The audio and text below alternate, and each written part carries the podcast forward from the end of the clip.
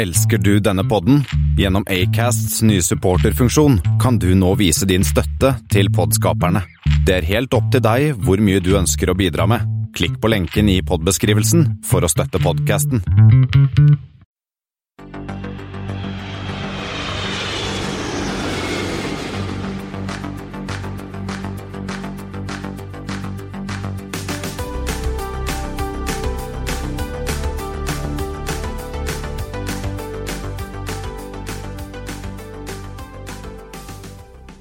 Hei, og velkommen til uh, Flypoddens flight 29. Uh, som vi har kalt 'Hvorfor være lykkelig som liten'. Vi kommer tilbake til hvorfor, hva, hva vi hva vi mener med det. Uh, det har blitt den 28. august, og her i flysetet sitter, sitter som vanlig Christian Kamhaug og Thomas Lone sitter i styrmannssetet. Og vi skal uh, tjatre og kose oss uh, og nerde litt om fly de nærmeste tre kvarterene, sånn cirka. Vi prøver, vi prøver å ligge rundt der, alt ettersom. En, en uh, tilsvarende en, en, tur til Trondheim, f.eks. Det skal vi gjøre, Christian. Og vi vil takke alle som støtter oss via Patrion. Lenken til Patrion ligger ute på flypodden.no. Så hvis du setter pris på det vi driver på med, og ønsker at vi skal fortsette videre, så gi oss gjerne en liten eh, moralsk boost og økonomisk boost via Patrion. Takk for det. Det setter vi stor pris på. Vi har jo, som alle andre som jobber i den bransjen, ekstremt små marginer, Thomas. ja, de, de er vi, vi, lever på, på marginen, faktisk. Ja, det er sånn litt morsomt, men jeg, jeg, jobbet jo mange år i flybransjen, og det var et, et, godt år i flybransjen er jo Ja, nå har vi hatt ekstreme år hvor en del selskaper har ligget på en 10-12 eh, profittmargin. Eh, og nå jobber jeg i, eh, finansbransjen i, i, inkasso, og der er det sånn Har du 35% margin, så er det, sånn, det er litt ganske dårlig, egentlig. ja, det er, det er, litt forskjellige verdener. Ja, men uh, det er jo morsommere med, med flyet med inkasso. Det må jeg innrømme. det, det, det, er litt mer sexy. Er det, det er det. Uh, og um, vi hopper vel bare rett uh, i siste nyhetene, Thomas. Og du har lest The Times of India eller noe? Ja, det har jeg. Jet Airways, som er jo det vel nest største flyselskapet i India, de, eh, de, sliter tungt om dagen, eh, men det ser ut som eh, de får litt hjelp. Boeing Ja, for ikke av, ikke av eierne sine? Nei, men av leverandørene, faktisk. Av sine leverandører så får de hjelp. Og da er det faktisk Boeing som kommer til unnsetning og skal mm, hjelpe Jet Airways for å få orden på finansene. Og Kan du tenke deg litt hva motivasjonen bak dette er, Christian? Det der, eh, I og med at Boeing er med, så tipper jeg at eh, har jo, Jet Airways har jo kjøpt, bestilt en hel masse fly. Ja, nærmere bestemt ca. 225 737 Max-maskiner har jo de faktisk um, på handlelista hos Boeing. Eh, de har kjøpt 50 stykker direkte av Boeing, og resten er via leasingselskaper, som vi snakket om sist gang. Så eh, det er jo en veldig stor egeninteresse for Boeing her, tenker jeg, å komme Jet Airways til um, unnsetning. Det det, dette skjer ganske sjelden, men det er ikke uvanlig at det skjer.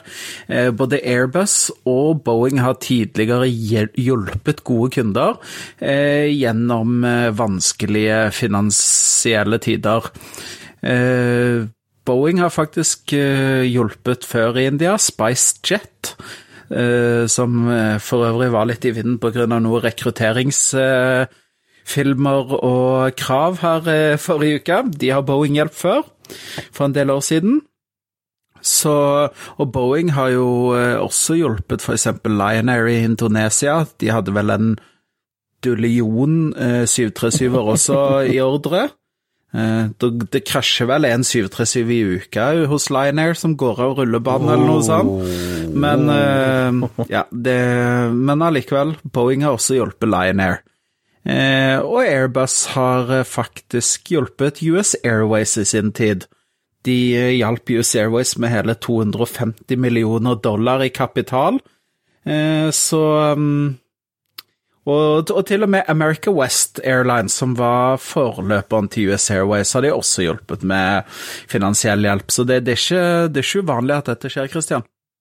Nei, og det er vel litt sånn der eh, Som vi på finansspråket snakker om 'too big to fail'. At det, du har visse selskaper som er så store, som har så verdifulle for eh, her snakker om leverandøren, da, at de vil gå ganske, ganske langt for å, for å redde de.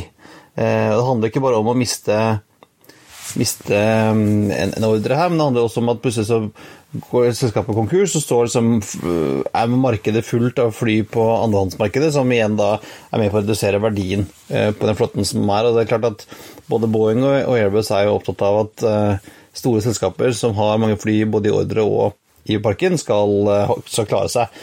Og eh, vi har jo vært inne på Jet Airways er jo, er jo en del av den, den um, litt eksklusive familien med selskaper som Etihad Airways er inne og eier, Thomas. Ja, og... Det går ikke så bra.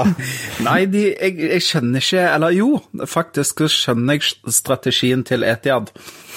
De kjøper seg opp i selskaper som holder på å gå dukken.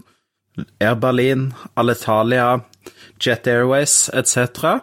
Og ryktene sier jo til og med at de var inne og snuste på SAS i 2011-2012. Eh, så det kan jo kanskje være derfor at SAS klarte seg, eh, siden at de Etiad eh, Det ble med rett og slett bare snusingen. De gikk skinn og, og kjøpte seg opp i SAS. Nei, det der, eh, Man skulle jo tro at De, de har jo fulgt samme strategien som Swissair gjorde i sin tid, hvor de gikk inn og kjøpte seg inn i kjøpte seg inn i Sabena, de kjøpte seg inn i masse selskaper rundt omkring, og skapte sin egen allianse, og det gikk jo sånn det måtte gå. Det gikk jo ikke så veldig bra. For det er sånn, Kjøper du ting på sin billigsalg, så er det jo vanligvis Ja, det er vanligvis litt skit, da. If you're paying with uh, peanuts, you get monkeys, er det det du vil si? Ja, ja, noe sånt noe. Um, men, men hvordan, eh, hvordan, ligger Jet Airways an? Blir det, kommer de til å klare seg? Jeg tror med hjelpen til Boeing, og så har de jo aksjonærer i ryggen som er, har mye store finansielle muskler, så Eller ja, kanskje bortsett fra Etiad, da. Så um, jeg tror det at uh, på kort sikt så tror jeg at de klarer seg, men uh, det er jo veldig viktig nå da i i løpet av veldig kort tid å få konsolidert og få struktur på butikken igjen, sånn at de får eh, svarte tall i bøkene og ikke røde. Og Det indiske markedet har vi vært inne på før, Thomas. Det er jo ikke, det er jo ikke enkelt. Det er jo, eh, Jet Airways er ikke de eneste som sliter på det indiske markedet. Nei, det er, det er spis eller bli spist-marked, så det er utrolig, utrolig vanskelig. Og det er rart, fordi at eh, så mye mennesker som det er i India, så skulle du tenke at uh, her ligger det an til et, en uh, kan være et lass av selskaper som kan leve godt, men tydeligvis så er det lav betalingsvillighet for å fly, og ikke så mange som flyr per capita i India som man f.eks. gjør i Norge. Så hadde, hadde indere flydd like mye som vi nordmenn hadde gjort, så hadde det jo vært Klondyke og Bonanza på en gang i India. ja, ja. ja. Nei, Vi får se åssen det går. Eh, noen andre som gjør det godt, er eh, våre venner i eh, Dubai, Emirates.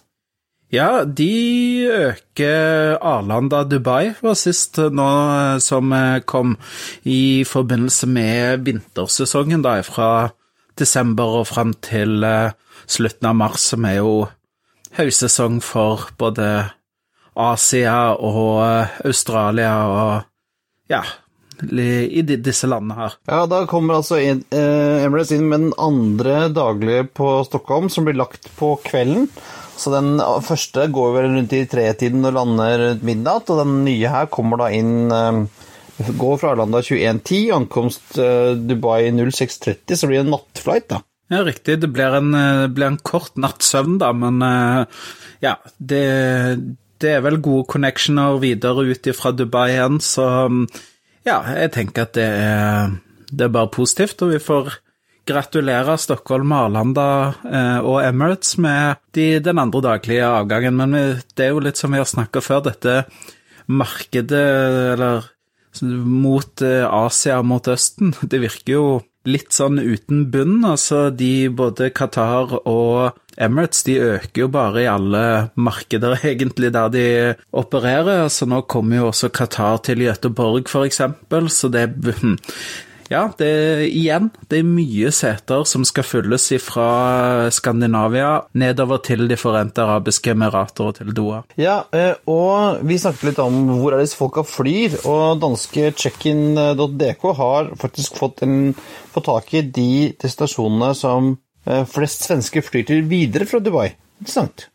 Ja, og der i det, vil jeg si, ikke uh, overraskende Bangkok, Hongkong, Sydney, Kuala Lumpur og ja, kanskje litt mer overraskende Colombo, Maldivene og Delhi, som er de største destinasjonene da videre fra Dubai.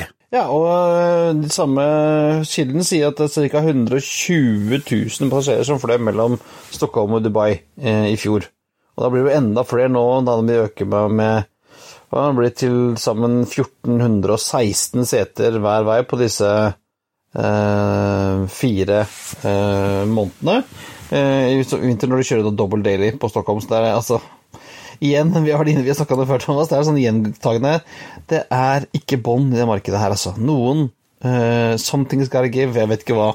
Nei, kanskje det er folk der reiser mindre til Syd-Europa, har mer til Asia, jeg vet ikke. Det, ja, ellers er det bare eh, IATA leste jeg her, de forventer jo at eh, passasjermengden vil nesten doble seg fram mot 2030. Eh, så det er jo klart, hvis de estimatene stemmer, så eh, er det jo bare å pøse på med kapasitet, da, fordi at eh, etterspørselen kommer så lenge tilbudet er til stede.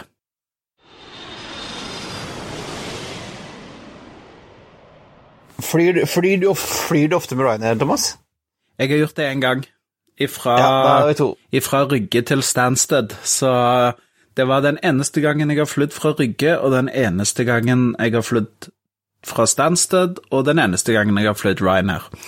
Så Men nå begynner jo de å ta betalt for håndbagasje, og umiddelbart så tenker jeg tja er det egentlig så dumt? Er ikke det ganske greit? Ja, altså Når de sier håndbagasje, så mener de altså da eh, rulle, sånne rullekofferter.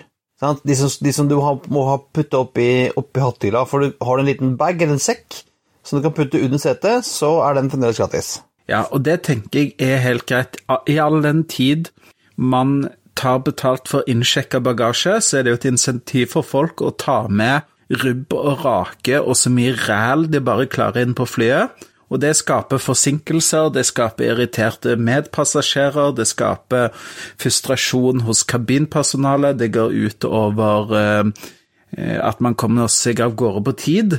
Så det å faktisk kalle det nesten tvinge folk til å kjøpe bagasje, eh, innsjekka bagasje, eh, det tenker jeg er greit. Og jeg så på prisene det var ikke mye dyrere å kjøpe en innsjekka bagasje enn å kjøpe eh, en kabinkoffert som man ønsker å ta med seg. Og det tenker jeg at da velger folk innsjekka bagasje, for det er minst stress, og så blir det bedre for alle. Så jeg tenker Jo, men altså, det, det, dette, Og dette tenkte de ikke på når de innførte betaling for bagasjen i sin tid, eller? Altså, det Uh, hva gjør du når, folk, når du skal betale på bagasjen din? Ja, men Da tar du med, med som håndbagasje, da, og da får du forsinkelser og kaos om bord, sånn. Da, altså Ja, og det, og det, og det er litt av den ankepunktet jeg tenker, da, at uh, når selskapene innfører disse um, light-produktene, Lufthansa-gruppen har det, SAS har det, British Airways har det, flere av disse nettverksselskapene har det kommet etter, og det, da tvinger det jo folk til å ta med seg bagasjen, for folk er jo sin egen lommebok nærmest, inn i flyet, og da går det ut over alt og alle. Eh, så jeg, eh, jeg skjønner at de ønsker å på en måte for å komme seg høyest mulig på disse Momondo og Finn og prisøkende, at de ønsker å tilby noe uten bagasje, og heller da selge opp øh, Selge ekstra med bagasje og sånn det skjønner jeg, men jeg tenker at øh, da er det noen konsekvenser som man på en måte bør tegne over seg når man gjør de valgene. Da vil jeg jo tro at det kommer nye sånne, du vet, de derre kurvene du skal, som du skal putte håndbagasjen opp de kommer vel nye, da, som skal være enda litt mindre, slik at du er sikker på at uh, du får bare få med deg det som er lov å ha med seg om bord. Så må få plass under setet. Yes, det gjør det nok. Jeg satt i Haugesund, og der uh, sto det en sånn Ryanair-plakat i forrige uke. Der står det 'If it fits, it's fit for flight'. Så den, den boksen der blir nok enda mindre nå i, i framtiden, kan, kan vi tro. Ryanair er jo kjent for å kanskje tøye strikken litt i forhold til passasjerrettigheter og hvordan de følger opp kundene sine. Men nå viser, viser det seg at uh, det har blitt en, uh, ja, skal vi si trend, eller uh, en tendens i flybransjen at flere av selskaper gjør dette. Hva, hva, er det de driver på med, Christian? Du tenker på padding? Litt ekstra padding. Ja, det er jo en, en, en ting som eh, dukket opp da, i, i forbindelse med at det britiske forbrukertidsskriftet Witch eh, gjorde en liten undersøkelse hvor de så på eh, flytiden. Hvor lang tid tar det å fly mellom to destinasjoner? Eh, og for de flest, aller fleste rutene de undersøkte fra UK, så eh, er, går det faktisk nå tregere å fly enn for ti år siden. Og hvorfor det? Er fordi at altså, flyselskapenes rutetider er, er, lagt på. De har padda eh, blokktidene, slik at eh, det tar eh, ifølge tidtabellen lengre tid eh, å fly enn det gjorde før, og det henger sammen med eh, ønsket om å være på tid. Eh, klart, hvis du, hvis du har en, en, flight som tar tre kvarter, sånn blokktid egentlig, og du, og, du, ønsker å være på tid, så legger du på litt. Det er sånn som Kona mi når hun vil at jeg skal være et sted klokka halv seks, så sier hun at det begynner eh, kvart over fem. Ja, det er riktig, riktig. Ikke sant? Eh, og det er jo noe som flyselskaper har gjort egentlig eh, lenge. Noen har gjort det mer enn andre. Jeg vet jeg husker når jeg jobbet eh, i Widerøe og var eh, stuer en uke eh, på Torp, så så vi det at at Ryanair-maskiner kom jo veldig, nesten alltid inn før tiden, fordi at de hadde en en padda tidtabell, slik at de hadde regnet med eh, en ankomsttid som var egentlig De landet mye før ankomsttid, fordi at eh, den tiden de hadde regnet i tidtabellen, ikke var riktig, da. Ja, og det er jo litt pussig hvis du bare ser sånn på Oslo-Bergen, f.eks., eller Oslo-Haugesund eller Stavanger, eller hva det nå måtte være. Så bruker jo eh, et av flyselskapene fem minutter lenger enn det andre. Eh, la meg tippe at de har rød nese. Nei, jeg tror faktisk oh. det er de blå som bruker lengst tid, syns jeg jeg husker. For jeg bet meg merke i det her for en uke siden da jeg satt og bestilte litt billetter, at uh, der uh, jeg tror Norwegian legger inn 50 minutter, legger SAS inn 55. Uh, jeg tar forbehold, det kan være motsatt, men ja, det viser jo bare det at selv på samme rute så, og, og på så kort tid, så så er det noen som tar seg litt bedre tid enn andre. Ja, og det henger jo sammen med liksom at man ønsker å være, være på tid, og ønsker liksom være, at statistikken skal se fin ut. Så, men så er det jo en kjensgjerning at, at eh, flyrom, luftrommet har blitt trangere, eh, og det tar gjerne lengre tid. Så husker jeg at når jeg jobbet eh, med ruteplanlegging, så var det sånn at vi måtte jo Vi så jo på liksom hva som var, hva som var eh, planlagt tid, og så måtte vi etter en stund eventuelt justere tidtabellen hvis vi så at det tok lengre tid. For eksempel, så noen steder så tok det ganske lenge, ekstra lang tid å taxe. Altså, har du vært i Amsterdam det siste, så tar det jo ofte det tar lang tid å taxe, så må du legge inn den. Og så hvis det er mye trafikk og forsinkelse, så må du legge inn den også, slik at du har en, en normal tidtabell. da. Ja, det er jo sånn, skal du inn til Heathrow, så må du jo så godt som alltid budsjettere med en strafferunde eller to eh, på veien inn dit. Ja, og så sant, avhenger det så mye slotts du får og sånn, ikke så, så, ofte så må man gjøre sånne småjusteringer. Det er jo uh, litt, nesten litt sånn juksete da, at man padder tidtabellen sin såpass mye, slik at uh, du skal være sikker på å lande på tid. da. Jo, men en annen ting, kan dette ha noe med de relativt sjenerøse EU-reglene som uh, sier at passasjerer kan hente ut opptil 600 euro per pax eh, hvis eh, flyet er forsinka med mer enn tre timer, Christian? Ja, men du skal, du skal padde rimelig bra for at det skal, eh, for det skal få utslag. Jeg så eh, Var det China Eastern eh, som vel på tror Beijing, eh, Bangkok Jeg hadde en flytid som var to timer mer enn en av de konkurrentene. Uh, da har du padda ganske bra. Ja, det, det, Men, ja det, det, skal litt padding til hvis du skal klare å padde deg ut av uh, tre timer, f.eks. innen Europa. Da skal du padde veldig godt. Ja, jeg, jeg, så at de, mente, at de, var inne på det, men jeg tror den, den var litt søkt. Men uh, det handler mer om at du skal uh, De ønsker å ha såpass mye sikkerhet, og særlig når, når tidtabellene blir sånn ganske sånn tytta sammen, så, så uh, er det jo sånn at en, en, liten forsinkelse på tidlig på dagen kan jo gå i ganske store konsekvenser senere på dagen, så da ønsker vi kanskje å optimere slik at du er sikker på at du ikke får så mye forsinkelser. Ja, man kan jo, det er jo lett å tro at uh, selskapene prøver å vri seg unna kompensasjon, men uh, jeg tipper at det er nok mye det at, som du var inne på, Christian, at fly Altså, flyrommet over Europa har blitt trangere om årene. Ting tar faktisk en del lengre tid. Og, og flyene går ikke noe raskere enn før, så da må de rett og slett uh, tingene som skjer på bakken, eh, slåttider etc., etc., det er sånne ting som man da holdt på å si må budsjettere for i, i tidtabellen. Og mens vi er inne på eh, tidtabell og, og, regularitet og punktlighet, Thomas Fyr løs. Eh, så har jo, SAS har jo fått litt kjeft i sommer fordi at de har vært, eh, hatt litt problemer med, med, med tidtabellene sine og har hatt en litt ganske mange kanselleringer. Ja. Eh, men, men eh, da er det godt at ikke det er de kuwaitiske luftfartsmyndighetene som passer på SAS. Å, hvordan da? Nå må du fortelle her.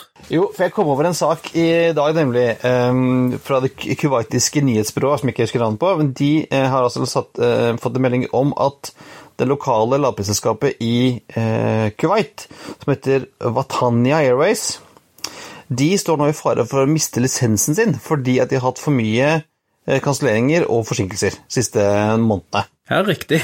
Det, da, da, snakker man om skikkelig ris.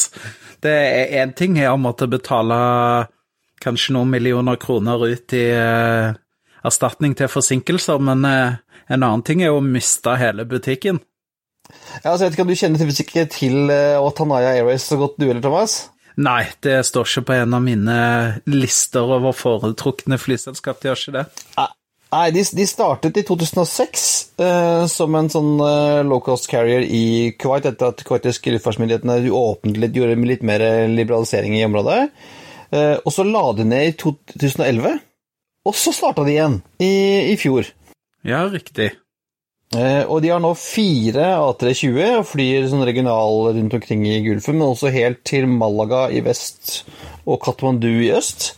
Eh, men nå har de da eh, slitt tydeligvis mye med kanselleringer og forsinkelser, slik at myndighetene har nå gitt dem flere advarsler. Sånn, nå må dere skjerpe dere, uten at det har skjedd noe. Og nå kom da denne da, uken her kom en streng advarsel fra myndighetene om at hvis ikke de skjerper seg innen ja, 6.9., altså neste uke, så eh, er det i første omgang tre måneders suspensasjon av AOC, og eh, etter det kan det bare, kan det bare legge ned greia.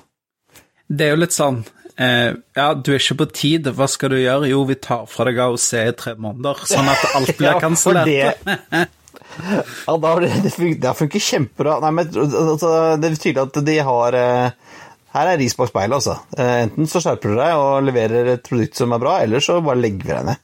Ja, riktig. Ja, og det, og det er Kuwait, eh, mens vi er inne på det, så kan vi jo Jeg kjenner jo ikke til dette flyselskapet her, da, men eh, Kuwait Airways er jo en, en gammel traver. Kuwait har jo fått mye mindre oppmerksomhet enn det andre Gulfstater har med, med sine flyselskap, men eh, de har jo faktisk eh, et, et, flyselskap som, som Kuwait Airways, som, som flyr longhold da, fra Kuwait. Um, og, og, har mye store og, og, maskiner på lager. Det litt Det morsomme er jo at Kuwait Airways er jo et av de få flyselskapene i verden som er såkalt tørre. Vet du hva det er, Christian? Du får vel ikke en drink om bord der? Nei, der får du bare eplemost og litt sånn eplejus og sider og uten alkohol, og ja, andre type ting som ikke har alkohol. Så jeg har faktisk sett at eh, hvis man skal fly til, til USA, av alle ting. Eh, og mot Østen så har de hatt veldig billige businessklassebilletter.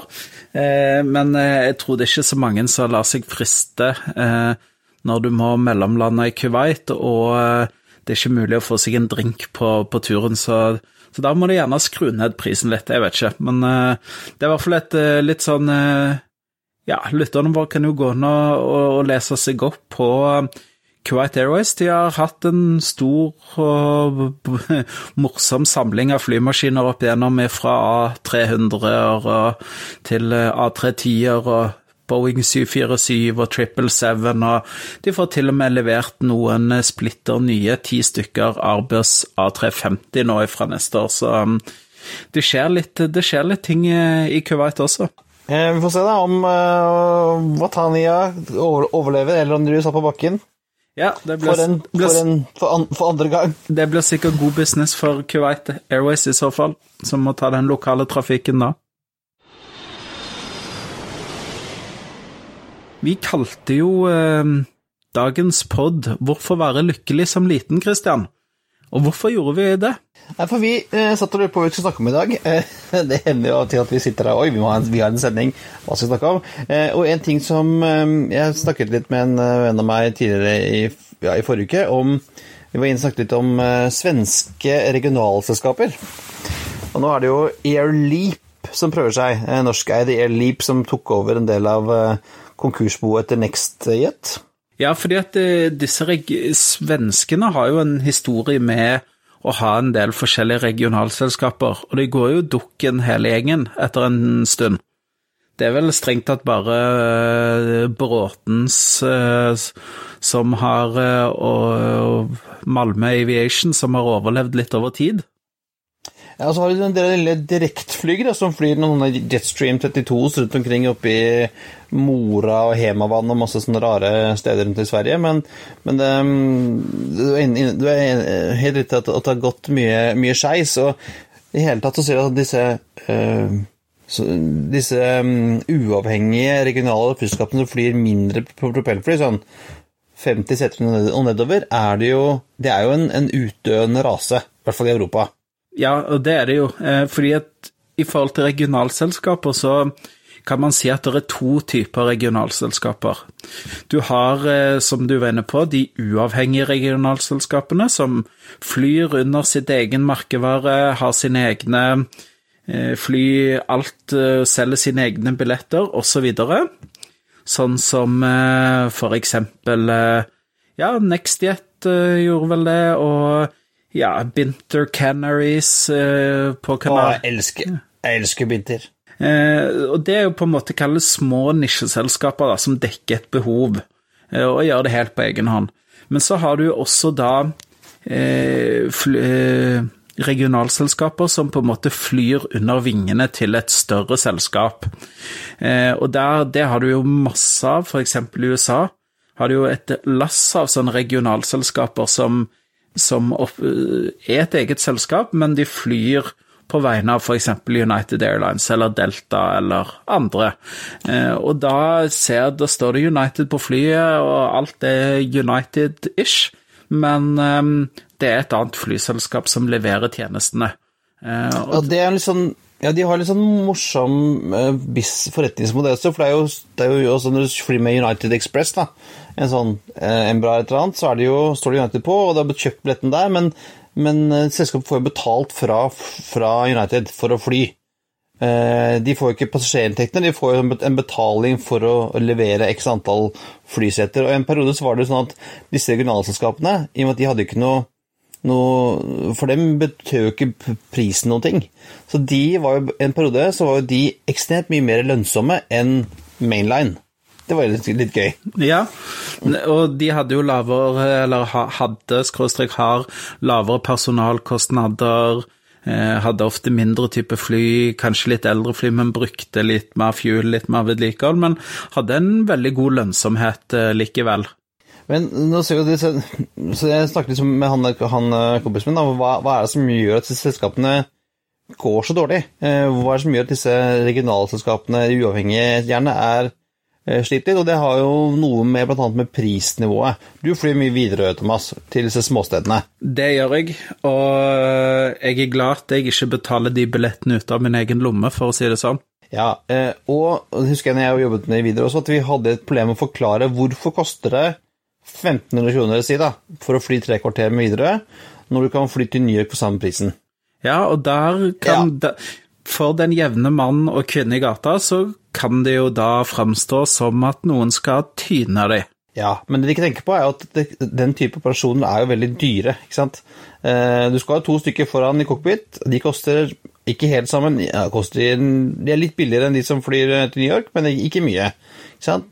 Eh, og, og du har liksom en, en veldig dyr operasjon, da, som eh, det ser ut som ikke eh, folk er helt er villige til å betale for. Du skal ha akkurat det samme for en, en, en flymaskin som har 39 seter, som en som har opptil 550.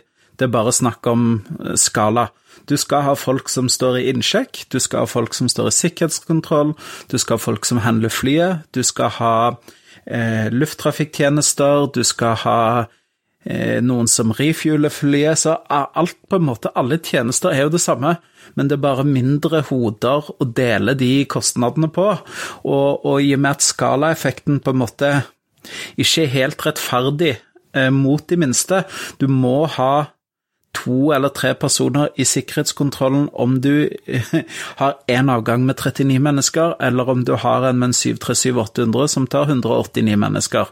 Så er det, det er et kostnadsnivå der som man på en måte Bunnen er ikke Den er ikke så lav at du kan da ja, selge billetter til 3 eller 499 eh, for, eh, for disse små hoppene, f.eks. med Widerøe, som har da 39 seter.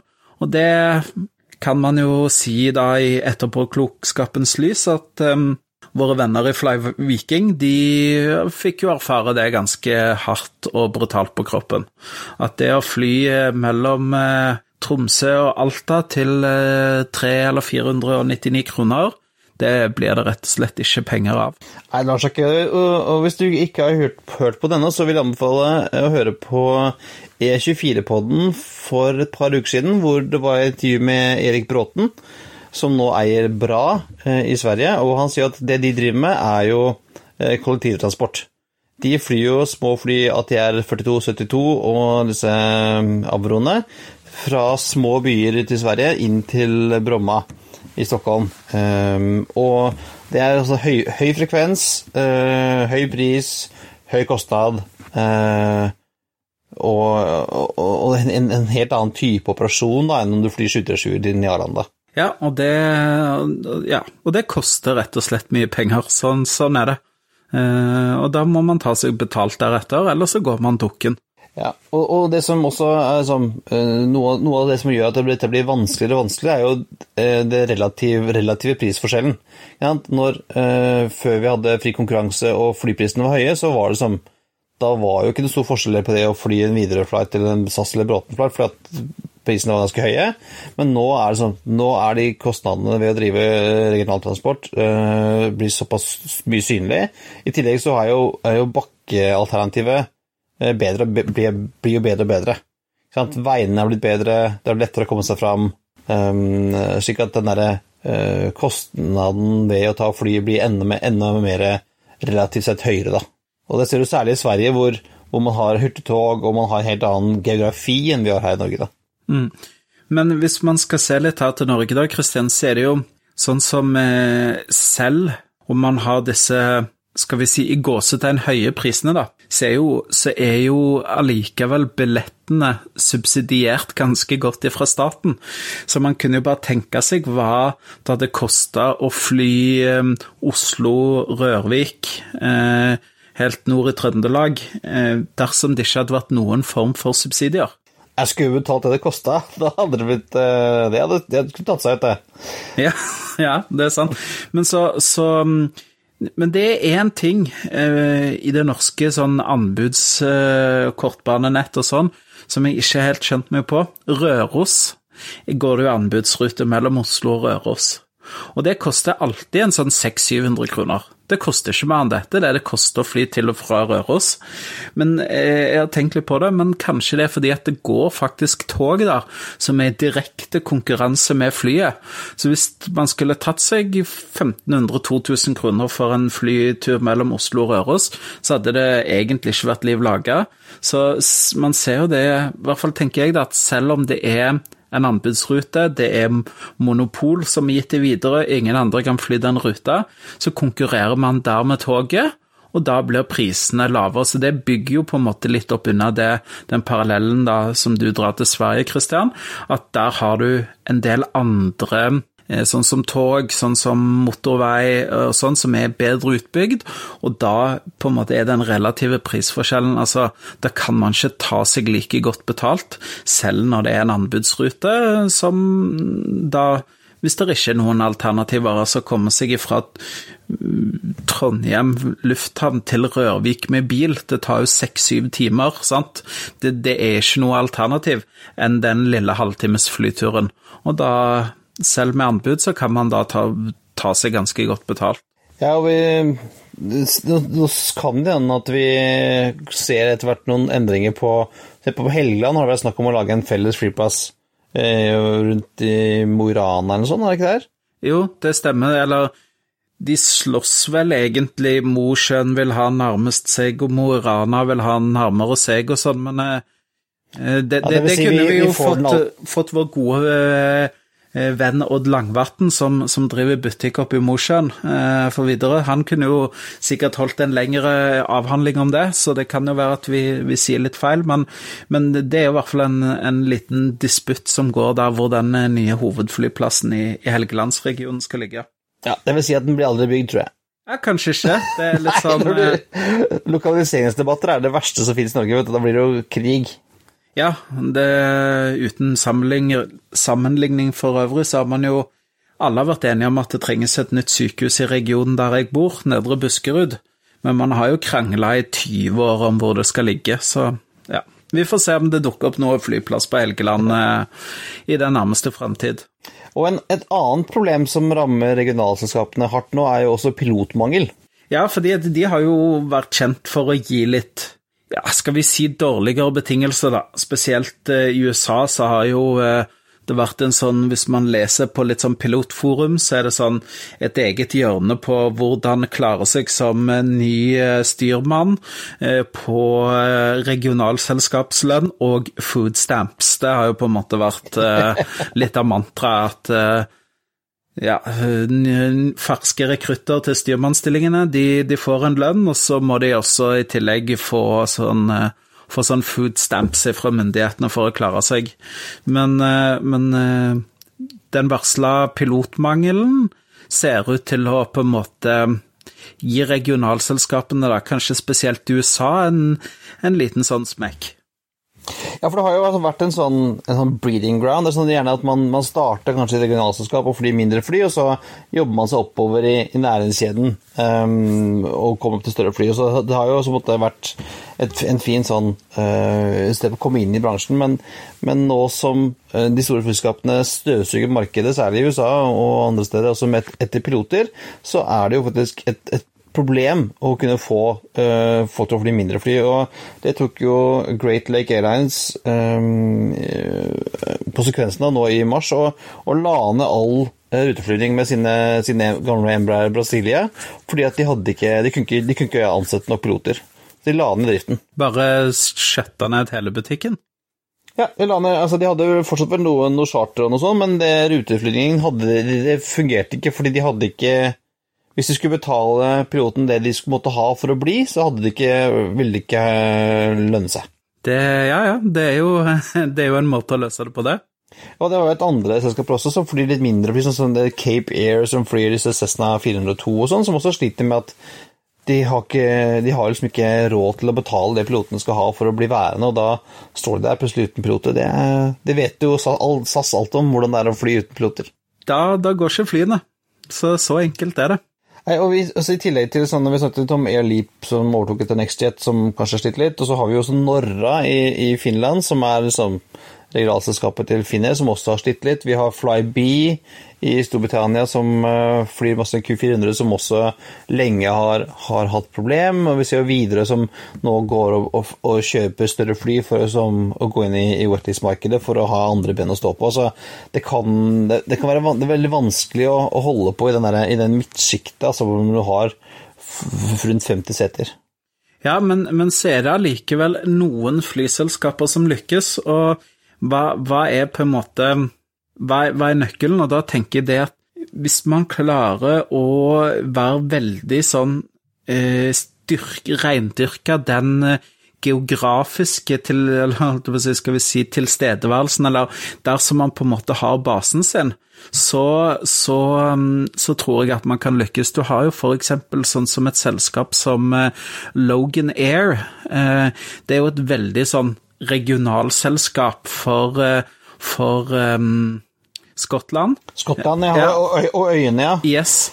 Og, og de, de, gjør sin greie. De skal liksom ikke overta verden, men de skal drive fly mellom Barra og Kirkwall og til Sunborough og Stornoway og Norwich og Aberdeen og Edinburgh og sånn. Det er på en måte det de gjør, og det gjør de veldig bra. Det er en uh, veldig spesialisert operasjon basert på geografi, og da tenker jeg at uh, der er noen av de regionalselskapene som lykkes, de gjør nettopp det. Sånn som også Binter, for eksempel, da, er jo en av de.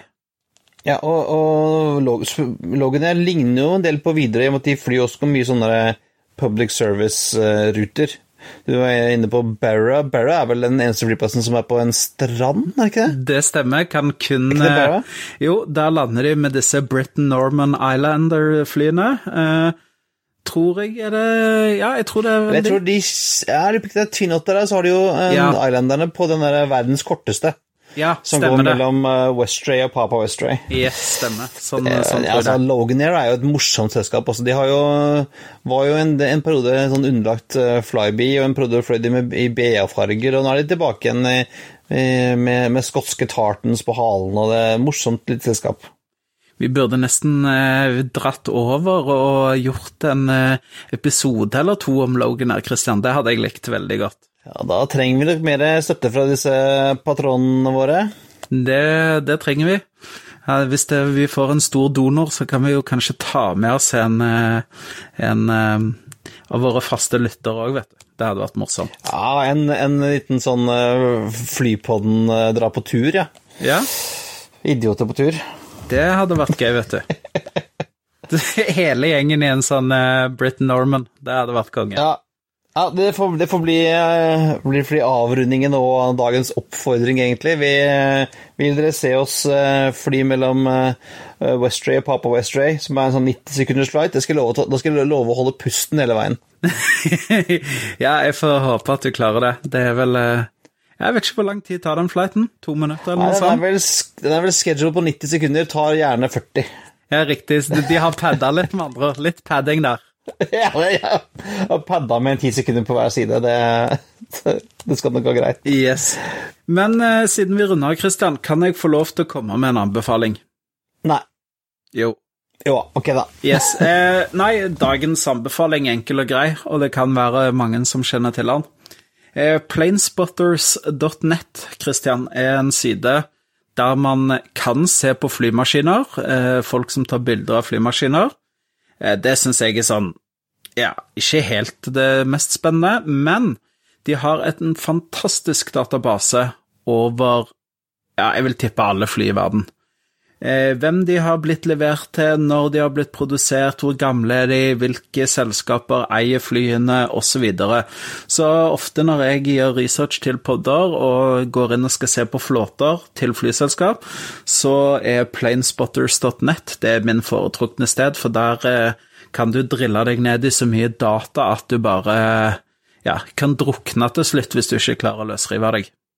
Og så har det vel en ganske bra sånn um Eh, oversikt over altså, mye, Mange folk som sender inn bilder av, av nye liveries og nyleverte fly og litt av hvert forskjellig også? Ja da, det er jo på en måte det som kanskje er det primære. Det er jo rett og slett eh, flybilder. Men eh, ja, jeg vet ikke om det er et sideprosjekt eller om det bare har blitt sånn, så har de i hvert fall en av de mest utvikla og velfylte flydatabasene jeg kjenner til, i hvert fall. Det var en bra anbefaling, Thomas. Yes, takk for det. Da er det vel på tide at vi fester setebeltene, setter opp seteryggen, klapper sammen bord og går inn for landing, da? Det er det, Christian. Dette var det vi hadde for i dag. Som vanlig finner du linker til det vi har snakket om på flypodden.no. Du finner oss også på facebook.com slash flypodden, på Twitter at flypodden og på Instagram at flypodden. Ikke glem at du kan abonnere på oss i iTunes, Spotify eller hvor du finner podkastene dine. Har du tips, vil du være gjest, har du spørsmål eller vil du sponse oss, så sender du en e-post til hallo at flypodden.no. Takk for nå, og velkommen tilbake neste uke.